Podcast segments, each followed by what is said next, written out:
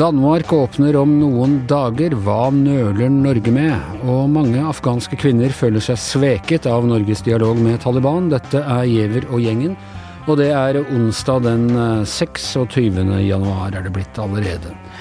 Uh, ja, Astrid Mæland, vi kan vel fortelle at det var en uh, omfattende diskusjon på morgenmøtet vårt uh, i dag om smitte og fare og omikron, og er det noe farlig egentlig, og burde vi egentlig nå bare begynne å leve som helt som vanlig igjen, slik de har tenkt å gjøre i Danmark om noen dager. Ja, Hva syns du, Anders? Hva slags lag var du egentlig på? Jeg glemte litt det, ble så mye krangling. Ja, nei, jeg, jeg holdt meg som jeg Jeg brukte det gamle trikset jeg brukte fra kanonball på barneskolen. At jeg bare la meg veldig lavt i terrenget, sånn at ingen la merke til meg. Og dermed holdt jeg ut helt til slutt. uh, uten, å, uten å liksom gjøre alt mulig ut av meg. Det er en teknikk jeg ofte bruker når jeg ikke vet hva jeg skal si. Ja, det er lurt, altså. Du har jo helt rett i det at et eh, enormt press på, på regjeringa vår nå. Og om å lette tiltakene. Ingvild Kjerkol, helseministeren, hun sa jo i dag på NRK, så vidt jeg husker, fikk med meg i hvert fall, at eh, de vil komme med nye lettelser snart, og de skulle ha masse møter, og at det kom i begynnelsen av neste uke, altså på mandag allerede, hørtes ut som på meg. da. Og så må vi ta med det at det har vært masse lettelser altså i dag onsdag nå. Den dagen her er jo skjedd noe helt nytt. Hvis du har en syk eh, ektemann hjemme som ligger og hoster koronaskyer, så får du altså lov til å gå på butikken, gå på pub, uh, gjøre akkurat uh, det som du vil. Trenger ikke karantene lenger, bare du tester det ut av hvis du får en negativ test med selvtest. Kan du gå på jobb? Ja, Nå er det hjemmekontor for dem som har det, men hvis, jo, men... hvis ikke du har hjemmekontor, så kan du gå på jobb, ja. ja. Så hvis kona mi blir syk, så kan jeg likevel, og jeg ikke tester positivt, så kan jeg gå og sitte her i studio og snakkes og Gå på kino. Spytter spruter. Gå på restaurant. Ja, du kan gjøre alt det du vil. Det eneste som trengs, er at du tester det uh, i eh, elleve dager hvis du ikke klarer å holde avstand til kona. Hvis du klarer å holde avstand til kona, er det vel seks dager med negativ test. Eller så kan du jo få det, da. Da må du jo selvfølgelig i isolasjon. Det må du fortsatt. Hva betyr avstand til kona? At jeg pakker henne inn på et eget rom? ja, det står ikke helt konkret, men uh, tenk at de tenker på små unger, f.eks. Hvis du har det, og du ikke klarer å holde avstand, så må du teste i elleve dager. Men hvis du klarer å holde avstand etter at du har funnet ut at familiemedlemmet ditt eh, har eh, positiv test, er smitta, så, så holder det med seks dager, tror jeg. Hvis jeg husker rett, jeg må ta den her med en klype salt. Det er så mange regler nå at det går helt i surr for meg. Det er nettopp det, men dette blir da helt opp til den enkelte husstand. Da. Det er bare sier at nei, jeg har holdt såpass god avstand til kona mi de siste dagene at nå kan jeg gå på jobb igjen. Ja, jeg tror det er et tillitsbasert system. og så er det jo spennende framover da, hvordan i all verden skal man få nok eh, hurtigtester. For tenk deg hvis du har fire unger, en eh, venninne av meg har fire unger, og den ene ungen har fått korona, og ingen andre. Og så er de da seks i familien, så må alle andre teste seg i elleve dager hvis ikke de får korona. Seks, eller fem, da. Det blir, jo, det blir, jo, ganske mange tester.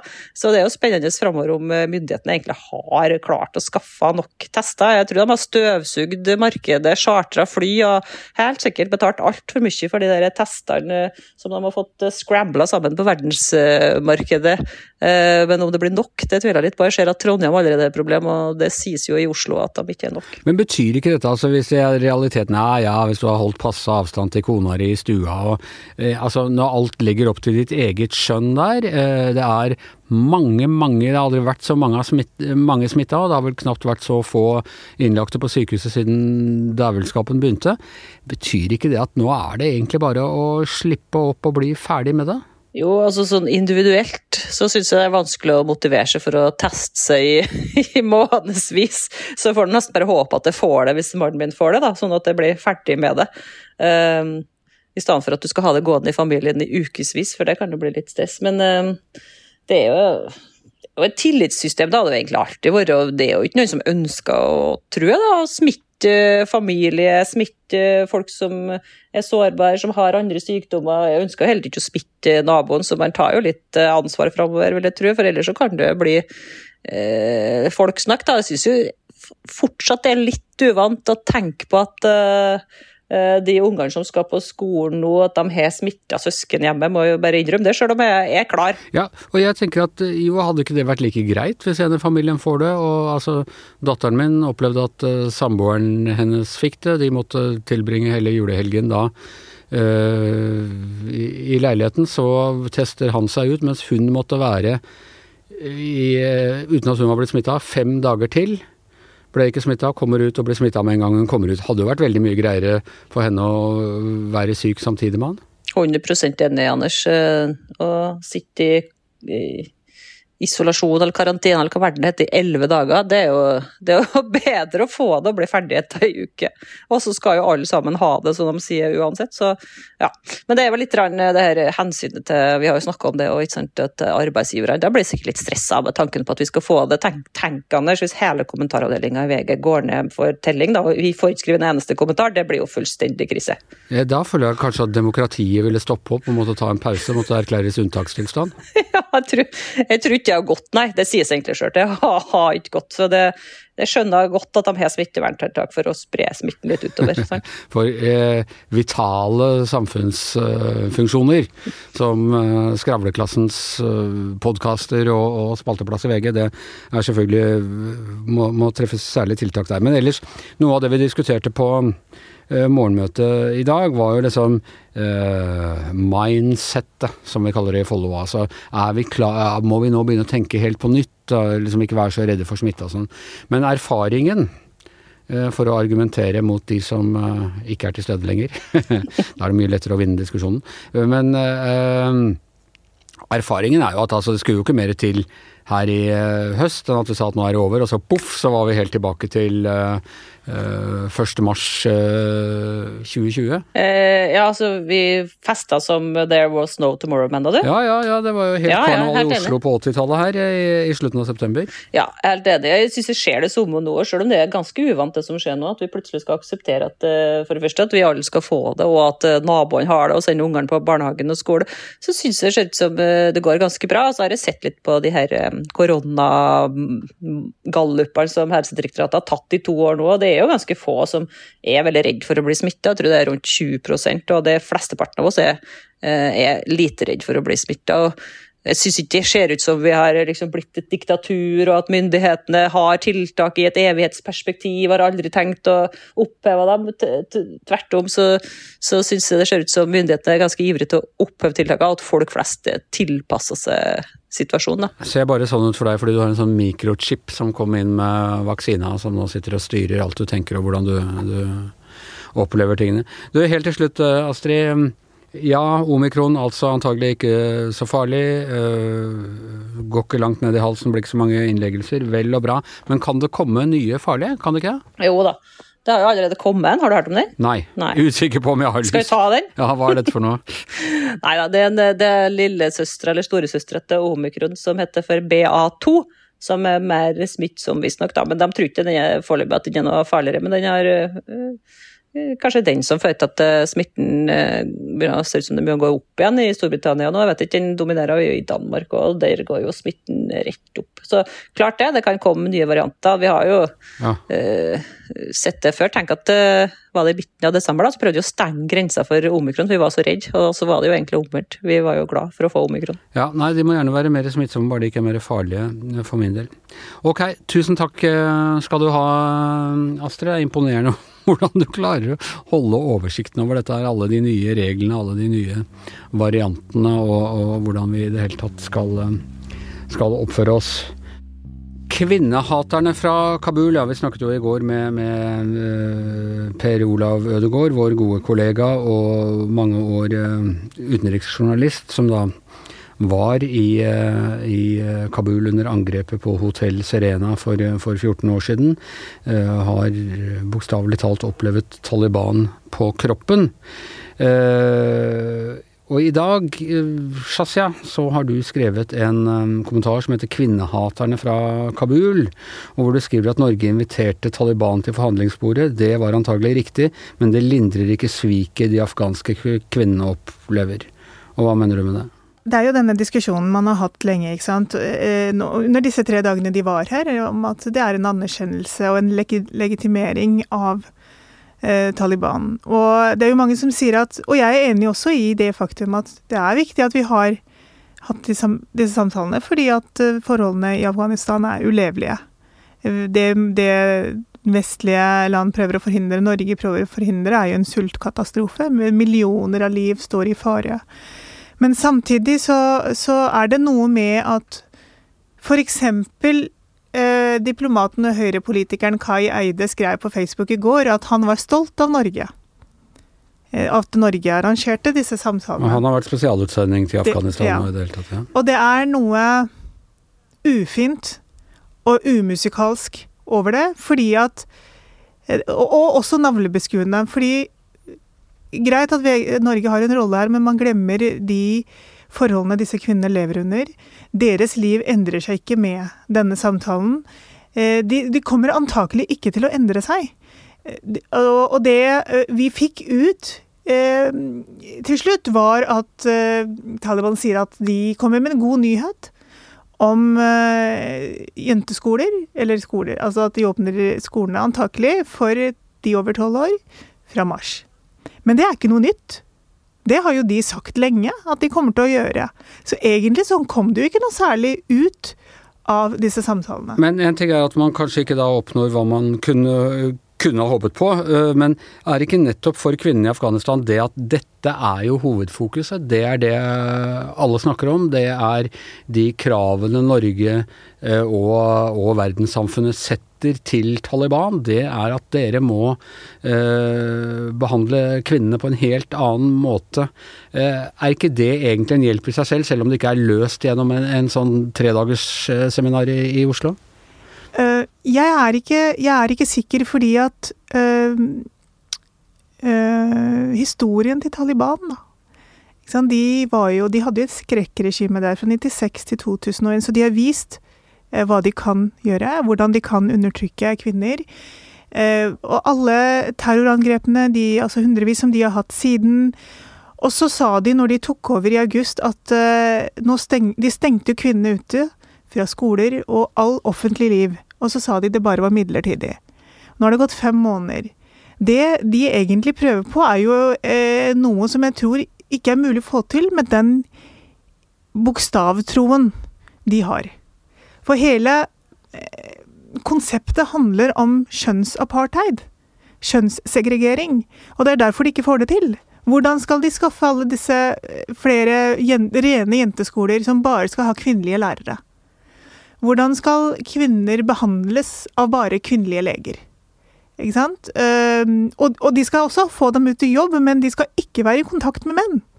Altså, det er jo et samfunn som er umulig å skape, som de da forespeiler. Og, og, men det som opprører mest, for jeg har jo fulgt med eh, i ulike sosiale medier, og sviket handler om at man på den ene siden så blir kvinner da forsvinner kvinneaktivister.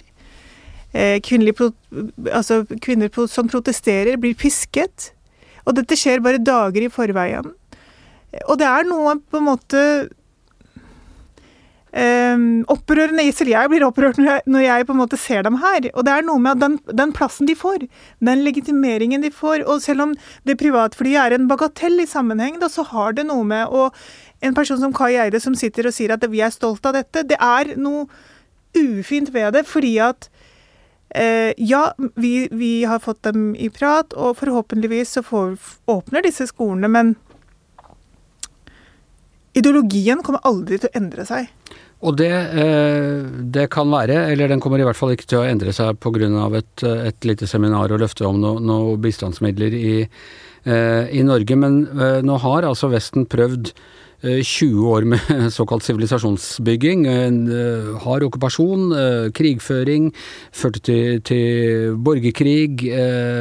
Og hvis det ikke hjelper, hva skal vi gjøre da? Skal vi bare gi opp? Bare sitte her og ta avstand fra kvinnesynet til, til Taliban og la Afghanistan seile sin egen sjø? Nei, vi skal ikke gi opp. Det er, det er viktig at vi får den Altså, nødhjelpen eh, har jo aldri blitt stoppet det er jo pengene til eh, myndighetene som er blitt fryst. Og det er jo og det er, jo, det er jo det store dilemmaet her, fordi at Vesten er med på å ha skapt de forholdene som nå rår i Afghanistan. Men det var jo ikke noe bedre før Vesten kom heller? Nei, ikke sant. Så det er jo en mangeårig elendighet eh, som da har ført til at vi står der vi står i dag. Men jeg tror ikke på en måte Taliban er løsningen. Og det afghanere sier i sosiale medier, er jo at dette her er terrorister, de har terrorisert oss, de har drept oss, og er det, det, er dem dere skal prate med, og det er dem dere skal ha troen på. Jeg tror ikke det blir eh, noe forandring eh, av dette. Men jeg, men jeg tenker på én ting, og det er at nå har Vesten vært der eh, i mange, mange år, og kanskje har det ikke kommet noe ut av det, men det er mange kvinner som har gått på skole. Ja, er, ja. Mange altså... kvinner som har fått deg utdannelse, og for dem så er det an... Altså hvis du ikke har smakt på friheten, så vet du kanskje ikke hva du går glipp av. Men når du har smakt på friheten, så er det mye vanskeligere å sitte stille. Og det er jo det vi ser nå, at det er en, en liten gjeng sant, her og der som protesterer så, men, men, men, de jo De forsvinner jo, og de kommer jo til å bli stilnet.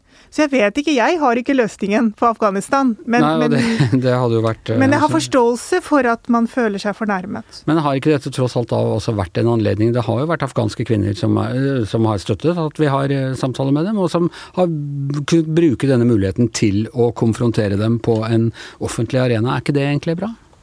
Jo, det er det. Det er bare det at når jeg hører Eh, hvor mange norske journalister har jo konfrontert disse eh, mørkemennene? Og svarene er bare så gjennomsyra av det kvinnehatet og det patriarkal, den patriarkalske tankegangen de bærer på. Da, fordi at det de svarer, er at ja, men vi har ikke noe med disse forsvinningene å gjøre. Eller så svarer de at dette er skuespill. Dette har de tatt betalt for. De står der og protesterer med mobiltelefoner, for dette er avtalt spill. Altså, og, og, jeg har sett intervjuer hvor de blir kalt verre ting. Så, så jeg bare tenker at ingenting endre, altså, Det endrer seg ikke, og det er veldig veldig frustrerende. Og, vi klar, og Vesten klarte ikke det på 20 år, og nå er de tilbake. Eh, og jeg tror på en måte, på en måte opprøret må eh, komme innenfra, men hvordan? Det er en veldig fastlåst og uh, håpløs situasjon. Så tenker jeg også dette her at Taliban er ansvarlig for den humanitære katastrofen som nå er i ferd med å skje. Så de er villige til å gå veldig langt. Uten å liksom vike på sine eh, ideologier og krav. For de kunne jo egentlig bare ha sagt OK, vi åpner skolene nå. Mm. Og så kan dere eh, gi oss pengene. Mm. Men de har jo ikke gjort det. Nei. Så de er ansvarlig for sultkatastrofen. Så hva kan vi forvente av dem? Så jeg bare sånn Min oppgave var eh, Jeg føler i hvert fall veldig behov for å men er det like er, er, Det du er provosert av, én ting er eh, Taliban, som er som de har vært i, i tusen år. Eh, men også det måten altså Du nevner Kai Eide og, og hvordan en del av norsk offentlighet eh, tar imot dem. Heier på seg sjøl, fordi at vi har ført dem til bordet. Jeg, det kunne vært hvem som helst annet land. Det er bare noe med at vi må være litt uh, Hva heter det tyske ordet? Uh, Fingerspiss Fingerspissgefühl. Ja, ja, litt fingerspissgefühl. Det, det mangler litt, fordi ja. uh, jeg også forstår at vi må redde liv. Her er det snakk om liv og død. Det er bare noe med at man må ta hensyn til at det er millioner av kvinner eh, som, som f.eks. ikke kommer til, seg til legen eller ikke får godt ut. Altså, ja. Vi må bare ha det in mente, da. Og at disse gutta er som en slags sånn uh, primitiv utgave av Hitlers SS, på en eller annen måte. Ja, og så vil jeg også bare påpeke, fordi at det er klart at de bruker islam og religion for å forsvare sitt syn. Um, men nabolandene, da, Pakistan jo, er jo også en muslimsk republikk, eller hva det er noen kaller seg. Jeg burde jo vite hva de kaller seg, men, men, det er jo tuftet på islam, hele mm. nasjonen. Men uh, det, er, litt, det er litt å gjøre med kvinnefrigjøringen der òg, er det ikke det? Ja, altså det er jo ikke akkurat noe fyrtårn for kvinnefrigjøringen Pakistan heller. Men det er jo hundre ganger Altså det Du kan gå på skole, og du kan gå i bukser, og du kan, du, du kan ha uh, kvinnelige utstillingsdukker i vinduet. Uten sjal. Og plakater og skuespillere som går i minikjørt. Altså ja. ja. nei, Afghanistan eh, er det verste, men det er sannelig ikke lett å vite hvordan man skal, skal behandle det heller. Det svaret har ikke jeg. Nei. Ok, eh, ingen løsning på det problemet her i, i Giæver og gjengen. Ta opp en eh, litt eh, hyggelig ting for oss, først og fremst. Det er på denne podtoppen, som måles hver uke på, på hvilke podkaster som slår an, så har vi nå gått kravla oss oppover siden sommeren. Bit for bit, bit for bit. Forrige uke var vi på tiende, inne på topp ti. Nå, denne uka er vi på sjette. Det er, det er en god nyhet, eh, Shazia. Det er eh, en fantastisk nyhet. Jeg syns vi har fortjent å være på topp ti lenge, og endelig skjer det. Og nå er det bare å, å klore seg fast. Ja, vi, vi får se hvordan vi klarer det. What goes up must come down, som vi sier i, i eh, Follo. Men det er i hvert fall moro at vi, vi har klart det akkurat nå. Får vi se. Neste uke er Krimpodden tilbake. De kommer nok til å skyve oss i hvert fall én plass ned, kjenner jeg dem rett. Eh, og med det så er Giæver og gjengen eh, over for i dag. Tusen takk til Astrid, tusen takk til Shazia. Jeg heter Anders, og mannen som har manipulert oss hele veien opp på sjetteplassen er som vanlig produsent Magne.